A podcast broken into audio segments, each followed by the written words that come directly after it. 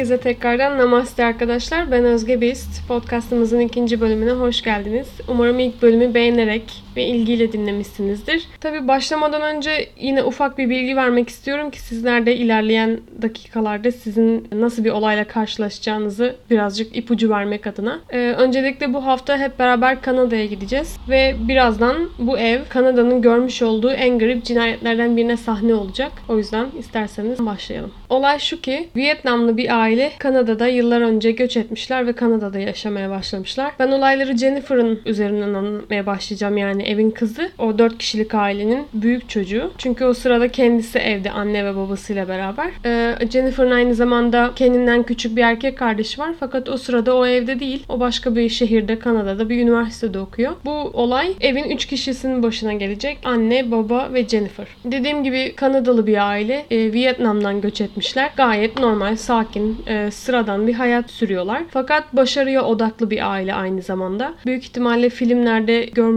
görmüşsünüzdür. Genelde uzak doğu bölgelerinde Çin'den gelen özellikle insanlar, göçmenler çok fazla başarıya odaklı ve akademik anlamda gerçekten çok büyük eğilimleri olan insanlar bunlar. Özellikle de son jenerasyon bu tarz baskılara çok fazla uğruyor aileleri tarafından. Yoğun bir programları var. Yaşlarından büyük işler yapmaya başlıyorlar. Bu tarz özellikleri sahip olan aileler içinde bazı özel takma isimler var. İşte kaplan anneler, kaplan babalar, ejderha ebeveynler gibi. Yani bunlar oldukça agresif, baskıcı ve kesinlikle hiçbir şekilde başarısızlık karşısında toleransı olmayan ebeveynler ve gerçekten e, çocuklarından çok yüksek derecede beklentileri olan aileler. Diyelim ki ortalamanız 4 üzerinden değerlendiriliyor. 3.9'a bile razı değiller yani 4 olmak zorunda. Ve sadece okulda değil yani başka aktivitelerle de okuldaki başarınızı destekleyecek. Yurt dışında eğitimler genelde o yönde sadece okulda değil dışarıdan da sosyal olarak bazı eğitimlerden geçmelisiniz. Bazı yetenekleriniz olmalı ki bu sizi üniversite hayatınız boyunca da daha ileriye taşısın ve şansınızı daha da arttırsın. Ve olay Ekim 8 2010 tarihinde gerçekleşiyor. Jennifer saat 9.30 sıralarında e, evinin kapısını kilitliyor ve odasına uyumaya gidiyor. Bu arada evde anne ve babasıyla beraber. Jennifer sürekli evin kapısını kilitleyip yatmaya çıkıyor. Yaşadıkları muhit de bu arada kendileri bir uzak doğu özellikle Çin'den gelen ailelerin oraya gidip e, yaşadığı bir mahalle. Oldukça da elit bir yer. Zaten yine belki biliyorsunuzdur bu insanlar birbirlerine çok bağlı yaşam sürdürmeyi seviyorlar. Genellikle Amerika'da ya da diğer fazlaca göç alan ülkelerde Çin mahalleleri çok fazla. Yani bir nevi Çin'den küçük bir şehir yaratıyorlar yaşadıkları yerlerde. Jennifer kapıyı kilitleyip yatmaya gittikten çok kısa bir süre sonra eve kimliği belirsiz silahlı kişiler giriyor ve evi bir, bir şekilde yağmalamaya başlıyorlar. Açık bir şekilde evde para arıyorlar. Daha sonra bu saldırı sadece ev soymak için değil aynı zamanda evdekilere saldırmakla da son buluyor. Anne Beck, baba Han yataklarından sürüklenerek evin bodrum katına götürülüyorlar ve Jennifer'ın da e, elleri bağlı bir şekilde anne babasının yanına götürüyorlar. Anne ve babaya o sırada orada soygun için olduklarını ve evde ne kadar para varsa, nakit para ve değerli eşya varsa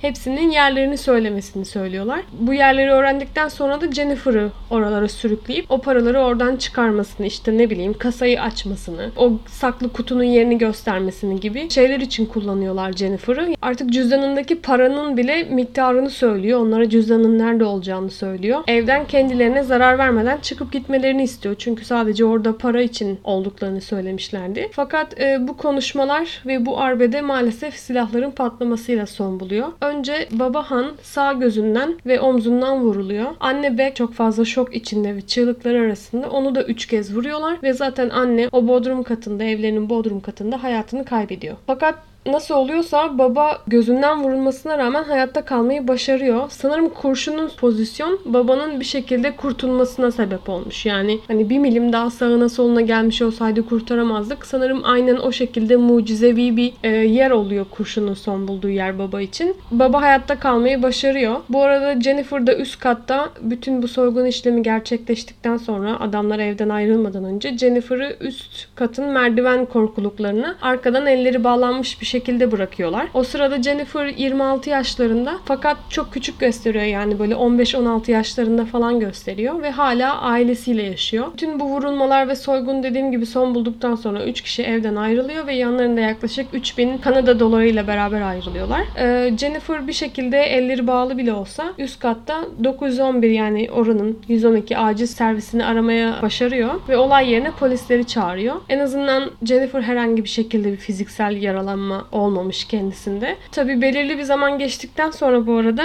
baba kendine geliyor. Baygınlığı geçiyor. Yerinden kalkıp bodrum katından direkt evlerinin bahçesine doğru yani dışarıya çıkmaya yöneliyor ve çığlık atarak komşularından yardım istemeye diyor. Olaydan trajik biçimde kurtulan bu iki aile üyesi ambulansa alınıyorlar. İlk yardım ekibi geldikten sonra direkt hastaneye kaldırılıyorlar. Ee, yapılan uzun tedaviler ve check-up'lar sonucunda e, Jennifer'ın ellerinin bağlanması dışında kendisine hiçbir zorlama ya da bir fiziksel zarar yok. Bilekleri bile çok sıkı bir şekilde bağlanmamış. Orada bile çok fazla tahriş yok. Jennifer'ın yaşını küçük sanmalarından dolayı çok da bir tehdit olarak görmemişler. Fakat maalesef Jennifer'ın babası ameliyatta olduğunu, annesinin de öldüğü haberini veriyorlar hastanede. Tabi doktorlarından izin alıp Jennifer'ın herhangi bir sağlık problemi olmadığı öğrenilince kendisini sorgulamak üzere polisler polis karakolunu götürüyorlar. Jennifer'ı her şeyi en baştan itibaren anlatmasını istiyorlar. Yani hangi noktadan itibaren ne hatırlıyor, ne kadar detay varsa aklında. Fakat Jennifer'da maalesef çok fazla bir detay yok. En azından ilk anlatmalarını istediklerinde. Fakat e, polis öyle bir strateji izliyor ki sürekli bittikten sonra bir 5 dakika aradan sonra tekrar anlatmasını istiyorlar. Daha sonra bir 5 dakika ara sonra tekrar zihninde canlandırdıkça daha çok detay hatırlaması için bir şekilde zorluyorlar onu. Zor bir şey yani üst üste aynı şeyi anlatmak ve yaşadığın travma gerçekten çok yoğun yani. Sadece birkaç saat önce anneni kaybetmişsin. Baban çok kötü bir şekilde e, vurulmuş ve hastanede yoğun bakımda ve sen de o kafana silah dayalı bir şekilde evinin bütün odalarını dolaşıp para aramışsın. Bu adamlara vermişsin. Kendi hayatın için korkmuşsun aynı zamanda. Bu arada her seferinde Jennifer baştan anlatmaya devam ettiğinde polislerin istediği gibi bir sonuç elde ediliyor. Her seferinde Jennifer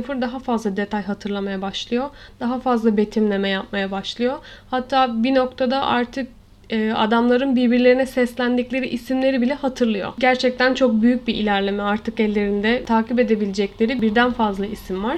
Jennifer'ın telefonunu incelemek için kimlerle konuştuğuna dair ya da ona kimlerin ulaştığına dair telefonunu istiyorlar. O sırada bazı değişiklikler gözlemliyorlar Jennifer'da. Jennifer telefonu vermek istemiyor. Tedirgin olmaya başlıyor. Sonuçta onlar da polisler de bu olayın nasıl olduğunu anlamaya, neden onların hedef olduğunu anlamaya dair bir ipucu bulmaları lazım lazım. Belki de anne belki de Jennifer'ı takip edildi dışarıda. Onların yaşadıkları yer belirlendi. Daha sonra uygun bir zamanda bu saldırı gerçekleşti. Belki anneyi e, direkt öldürdükleri için daha fazla kurşunla asıl hedefin anne olduğunu düşünüyorlar. Belki bir markette bir alışveriş merkezinde gördüler. E, varlıklı olduğu anlaşıldı. Daha sonra takip edildi ve halinden tavrından zengin olduğu anlaşılınca evine kadar e, bulundu. Jennifer ilk sözlü olarak rızasını veriyor telefonunu onlara vermek için. Fakat fakat daha sonra ona bir belge imzalatmaya çalışıyorlar. Sanırım Jennifer tam o sırada telefonun alınacağını düşünmedi. Belki üzerinden bir vakit geçeceğini, daha sonra telefonun alınacağını düşündü. Ona bir belge imzalatmaya kalktıklarında tedirginliği başlıyor. Bir şeyleri saklıyormuş havasına giriyor. Ya telefonunda gerçekten e, bir şey bulmalarından korkuyor ya da özel hayatının çok da dahil olmasını istemiyor olaya. Jennifer sürekli onlara telefonunda ulaşabilecekleri, onların işine yarayabilecek hiçbir bilgi olmadığını tekrarlıyor ve artık açık açık o belgeyi imzalayıp telefonunu vermek istemediğini söylüyor. Bütün bu itiraz süreci onun üzerine daha çok gidilmesine sebep oluyor. Böylesi kötü bir olayda kurban olarak kurtulan kişi kendisi o noktada. Yani ne kadar yardım etse o kadar iyi aslında polislere. Çünkü sonuçta annesinin katilini ve potansiyel olarak da belki babasının katillerini de bulacak. Ee, Jennifer'ın ailesinin ve kendisinin geçmişi incelenmeye başlıyor. Başlanıyor polis tarafından. Yaptıkları işlerden e, onları düşman belleyen birileri birileri var mı ya da işte kimlerle iletişimdeler.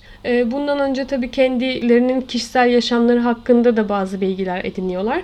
Babadan bahsedersek eğer Baba Han Pen e, Vietnam'da doğmuş ve orada eğitimini tamamlamış, üniversite eğitimini. 1979'da da Kanada'ya göç etmiş. Eşi de aynı zamanlarda Kanada'ya göç ediyor fakat o sırada evli değiller. E, daha sonra Toronto'da evleniyorlar.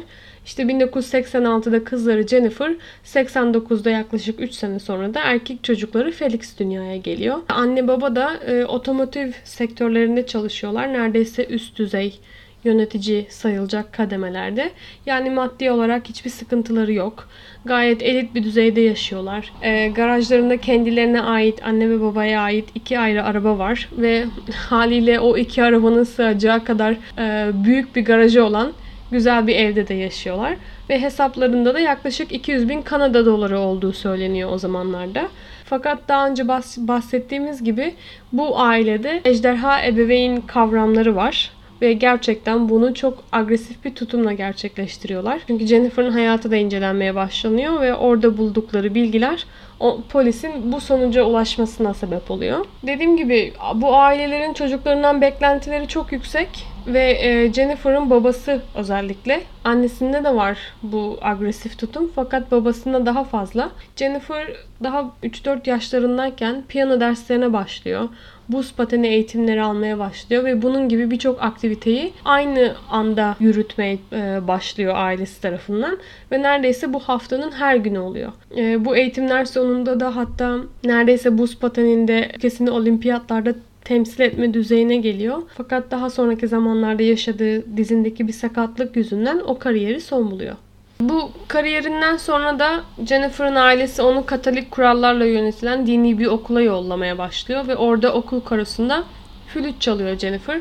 Tabi ailesi de bu arada yakın takipte yaptığı bütün aktiviteler e, ailesinin onayından geçiyor. Hatta onlar karar veriyor Jennifer'ın nasıl bir kariyer sahibi olmasına, hangi işi yapmasına, hangi e, yeteneklerin onda gelişmesi için Jennifer'ın hiçbir şekilde söz hakkı yok. Bu şekilde yaşamaya devam ediyorlar. Geçen bu sürelerde Jennifer artık lise düzeyine gelmiş. Fakat hiçbir şekilde ne bir erkek arkadaşı olmasına ne yıl sonu balolarına gitmesine izin verilmiyor. Çünkü bunun onun e, üniversiteye bu hazırlık sürecinde onu kötü etkileyeceğini, bu hazırlığın sekteye uğrayabileceğini düşünüyorlar. O yüzden hiçbir şekilde sosyal olarak bir yaşantısı yok. E, Birçok genç bireyin sahip olduğu o hayatı yaşayamıyorlar ve Jennifer 22 yaşına geldiğinde yine liseden sonra da aynı zamanda e, bir eğlenceye katılmamış. Hiçbir arkadaşıyla bir yere gitmemiş. Daha önce hiç sarhoş olmamış. Hiçbir şekilde birileriyle dışarı çıkıp eğlenmemiş. Arkadaşında yatıya kalmamış ve ailesi dışında da hiç kimseyle tatile gitmemiş genç bir kadın. Fakat daha sonraları ortaya çıkıyor ki bütün bu sınırlandırmalara ve yüksek beklentilere karşı yani okul hayatında düzgün gitmeyen bazı gelişmeler yaşanmış. İşte ailesine notlarını değiştirdiği karneler vermiş, sınav kağıtları vermiş notlarını ailesinden saklamaya başlamış. Sanırım bu noktada ailesi de artık onu çok fazla takipte değil. Çünkü o şekilde yetiştirdiğiniz 4 yaşından itibaren yetiştirdiğiniz bir çocuğa güveniniz de artıyor. Artık onun o zamana kadar hiçbir hatasını görmediğiniz için o çocuğu o şekilde yoluna koyduğunu düşünüyor aile. O etkiyi azaltıyor. Akademik olarak etki çok fazla, baskı çok fazla.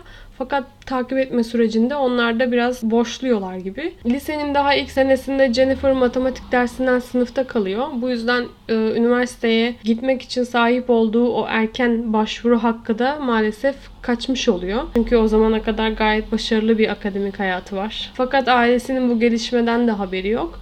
Liseyi bitirdiğinde yani sözde bitirdiğinde onu da anlatacağım birazdan. Üniversiteye gitmek için hazır olduğunu düşünen ailesi Jennifer'ın üniversiteye gittiğini düşünmeye başlıyorlar. Çünkü Jennifer her gün evden okula gitmek için çıkıyor ve okul saati bittiğinde de evine dönüyor. Kafelere gidip orada oturuyor. Daha sonra bir restoranda çalışmaya başlıyor. Her şeyi o kadar profesyonelce yapmaya çalışıyor ki ikinci el kitaplar alıyor. Kullanılmış oldukları belli olsun diye. Kendine bir not defteri hazırlıyor. Okuldan gittiği e, bölümün notlarının içinde bulunduğu işte ailesine düzmece bir okul yaşamı yaratmaya başlıyor. Tabii kızlarının üniversiteye gittiğini düşünen aile Jennifer üniversitedeyken bir arkadaşının yanında kalmak için izin istediğinde Jennifer'a izin veriyorlar. Ee, okula daha yakın olduğunu söylüyor Jennifer. Mükemmel bir şekilde yalan söyleyen birisinin e, başka bir yasaklı bir konu hakkında yalan söylememesi de imkansız. Jennifer'ın bir erkek arkadaşı var. Bu istediği bir haftalık izni onun yanında kalmak için kullanıyor. Bu kişi de Jennifer'ın daha ilk lisenin ilk yıllarından beri de birlikte olduğu birisi. Umarım ismini düzgün söyleyebilirim çünkü bu uzak doğu isimleri tekerleme gibi oluyor.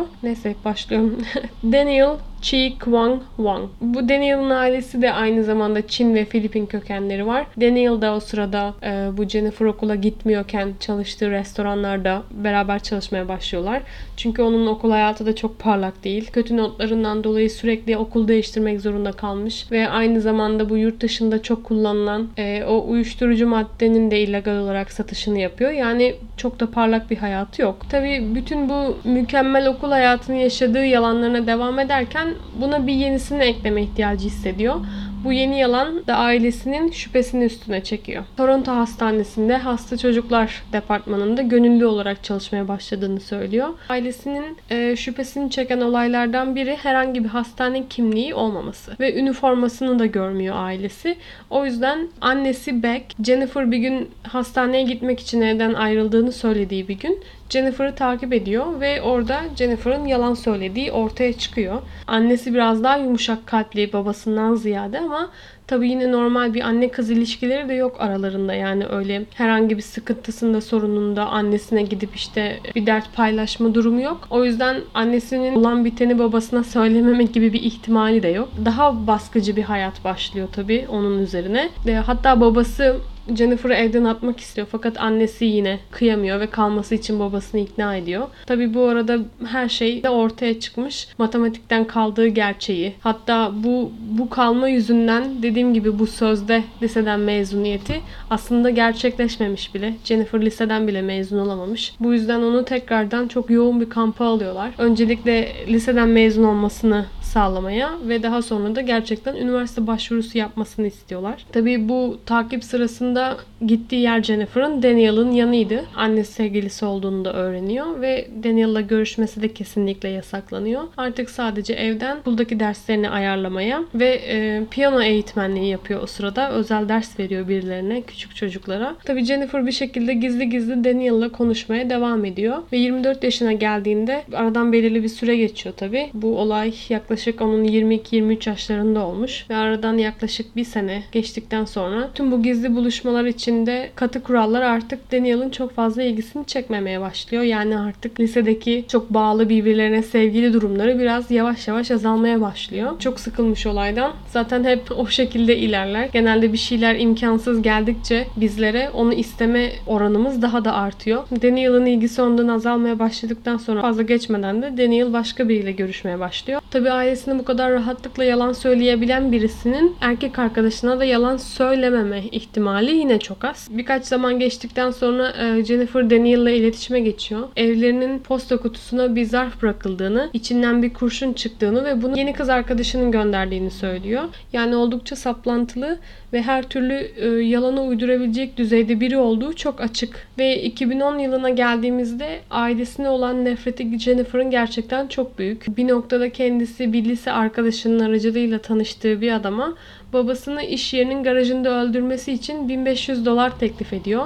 Öncelikle ona 200 dolar verebileceğini ve kalanın da bittikten sonra teslim edeceğini söylüyor. Fakat bu kişi bunu reddediyor. Jennifer'ın planları bu noktada son bulmuş değil bu sefer daha fazla para e, önerip hem annesini hem babasını öldürmesi için teklif veriyor. Fakat o adam bunu kabul etmiyor. Bu arada Jennifer ve Daniel hala birlikteler. Bu yalanları söylemesi Daniel her ne kadar bilse de kız arkadaşının potansiyel bir yalancı olduğu o yalanlar Daniel'ın üstünde işe yaramış bu Jennifer'ın ailesini öldürme isteği çok fazla olduğu için bu sefer Daniel'la beraber plan yapmaya başlıyor. Hatta beraber profesyonel kiralık bir katil tutmayı planlıyorlar ve 10 bin dolara anlaşma yapmaya çalışıyorlar. Zaten daha sonra Jennifer'a kalacak yüklü bir miktarda miras var. Üstüne üstlük anne babanın üstüne gayet büyük miktarda bir hayat sigortası da var. Bu da yaklaşık ona 500 bin civarında bir miras bırakacak. Daniel bu sefer bağlantıları yapmaya çalışıyor. Kişilerle iletişime geçiyor. Onlara bir telefon ve sim kartı veriyorlar ve bu hat üzerinden konuşmaya başlıyorlar. Ve bu olayı gerçekleştirmek için de 3 e, kişiyi tutuyorlar. Bunların hepsi de zaten önceden sabıkası olan kişiler. O yüzden ikna süreci de çok da zor olmuyor. Biliyorsunuz Jennifer zaten ilk sorgusunda dikkatleri oldukça üzerine çekmişti.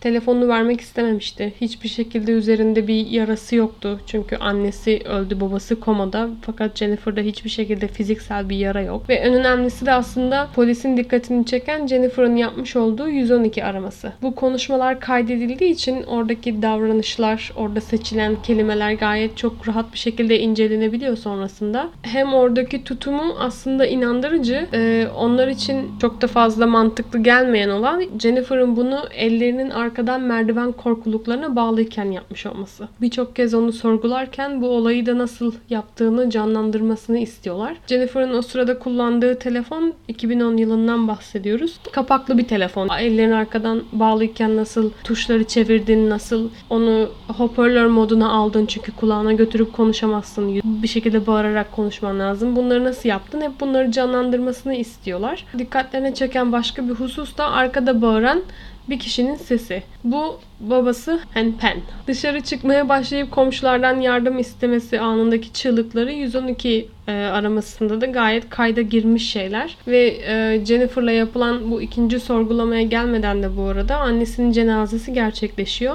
Ve polisler tabii ki de araştırma için davranış bilimleri kapsamında oraya gidiyorlar ve Jennifer'ı yakın takibi alıyorlar. Fakat Jennifer'da öyle işte annesinin kaybı ve babasının komada olması onu çok etkilememiş gibi gözüküyor. Yani gayet sakin tavırlar içerisinde. Fakat zaten polislerin dikkatini çeken de bu. Bu kadar sakin kalması. Kendisi sadece yalan söylemekte iyi. Yani öyle telaşlı rolünü çok da iyi yapamıyor. Ve 22 Ekim'de Jennifer'ı e, son kez, üçüncü kez sorgulamaya alan polisler tutukluyorlar. O sorgulamada artık Jennifer daha fazla baskıya dayanamadığı için e, her şeyi itiraf ediyor. Ve buna e, sevgilisi Daniel'ın da olaya dahil olduğunu, işte üç kişiyi beraber tuttuklarını, planı nasıl yaptıklarını, işte bu her zaman rutin olan bu kapıyı kilitleyip odaya gitme işini aslında o gece yapmadığını yani kapıyı kilitlemediğini, kapıyı açık bırakmış. Eve saldırmak için bekleyen kişileri de kendi yatak odasının e, ışığını böyle 3 saniye aralıklarla açıp kapatarak sinyal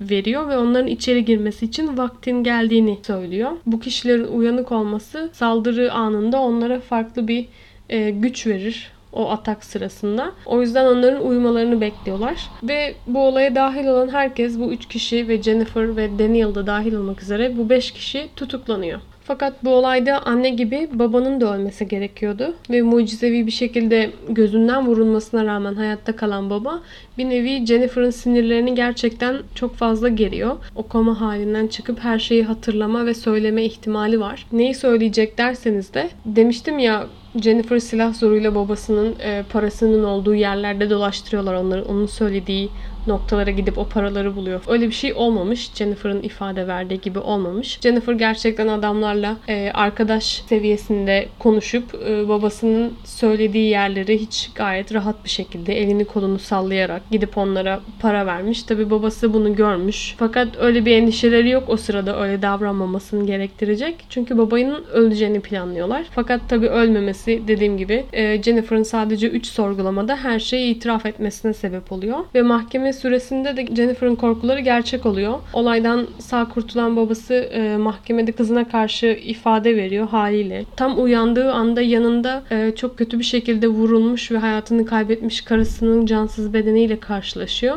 O sırada aslında ne olduğunu anlayamıyor.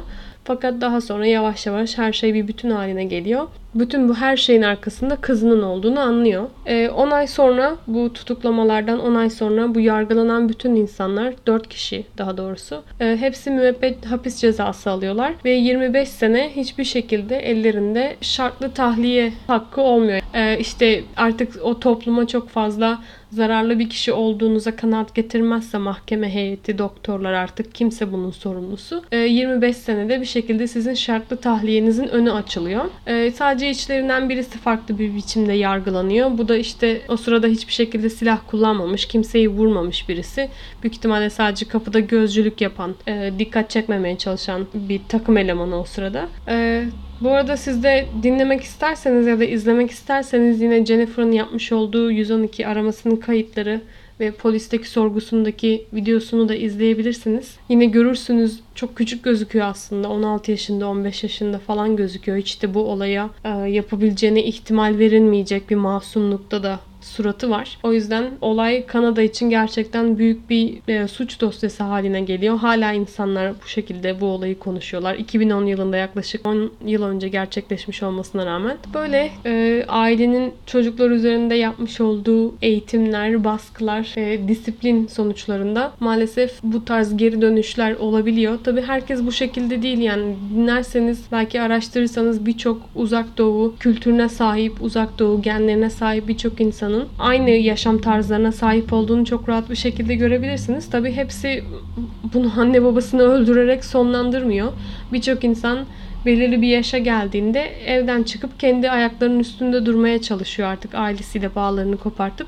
Fakat Jennifer bunu seçmemiş. Bunu neden yapmamış? O da çok enteresan. Sonuçta bir sevgilin var gidip onunla da yaşayabilirsin. Anne babanı da silebilirsin. Çok değişik bir psikoloji olmalı seni bu noktaya getirecek. Umarım bu haftaki olayımızı da beğenmişsinizdir. Keyifle, keyifle değil yine tabii ki de ilgiyle dinlemişsinizdir. Sizi heyecanlandırabilmişimdir, şaşırtabilmişimdir diye düşünüyorum. Dinlemek istediğiniz, bildiğiniz bir olay varsa yine bana onlara da haber verebilirsiniz. Instagram sayfamız var oradan takip edebilirsiniz. Yine Regan'ın fotoğraflarını da koydum oraya ilk olayımızdaki gibi. Jennifer'la olan e, gerekli fotoğrafları da koyacağım. Oradan da takip edip görebilirsiniz. Haftaya tekrardan görüşmek üzere diyorum o zaman. Kendinize iyi bakın. Hoşçakalın.